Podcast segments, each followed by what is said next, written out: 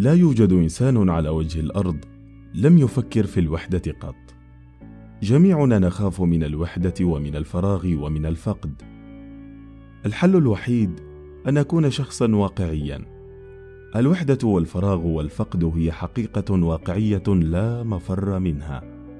أريد تعهدا أريد وعودا. أريد أن أتأكد أنه يوجد شخص سوف يبقى معي طول الوقت.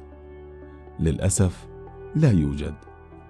الشيء الوحيد والمضمون الذي أستطيع أن أتعهد لك به أخي المستمع أنه سوف يستمر معك ويكون موجودا دائما هو نفسك. أنت سند نفسك. أنت الشيء الوحيد المضمون لنفسك.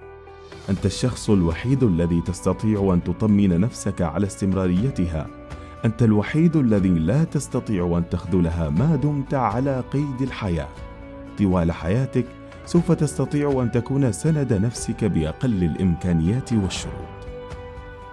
إذا استطعت أن تحقق هذه القاعدة في العلاقة مع الذات أنك على الأقل أنت سند نفسك وعون لنفسك تستطيع أن تنتقل للمرحلة الثانية مرحلة العلاقات سواء في الصداقة أو الزواج أو الشراكة أو الزمالة أو حتى الجيرة وإلى آخره من مسمى العلاقات. الشخص الذي لا يتحمل نفسه وحيدا لا يمكن أن يتحمله الآخرون.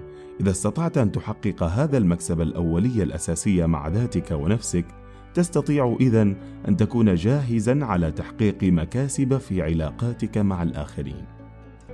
الشريك من الممكن أن يسبب السعادة والتعاسة مع بعض. الشريك لا يخلق ولكن يضيف. الشريك يساعدك على النمو. الشريك يساعدك على التقدم. العلاقات الإنسانية علاقات جدا مهمة وقد ذكرها الله عز وجل يا أيها الناس إنا خلقناكم من ذكر وأنثى وجعلناكم شعوبا وقبائل لتعارفوا.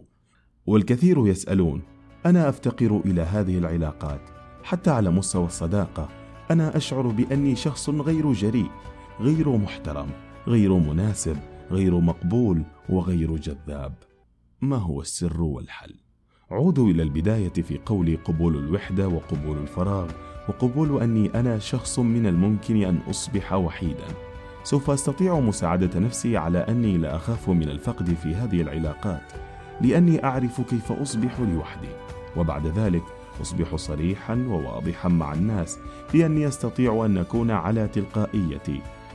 شخص يعرض علي فكرة أو رحلة أو خدمة معينة. غير محببة بالنسبة لي. أقول بكل بساطة وهدوء أعتذر. ولكن لم يناسبني عرضك لأنه بكل بساطة ليس لدي خوف من هذا الفقد.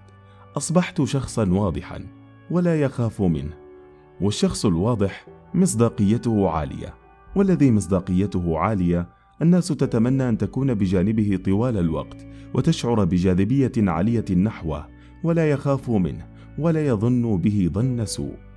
اذا المصداقية والوضوح في العلاقات أمران مهمان جدا ولكن لا يمكن أن تبدأ بهما مع الآخرين إلا إذا بدأت مع نفسك بأنك مستعد وعلى أتم الاستعداد أن تكون متقبلا لوجودك مع ذاتك لأنك أنت الأساس. الأثارة لأنك أنت الأساس يبدأ التغيير منك. هذه الحلقة من كتابة وإعداد روان سعد الشبيلي. تقديم ماهر المصطفى.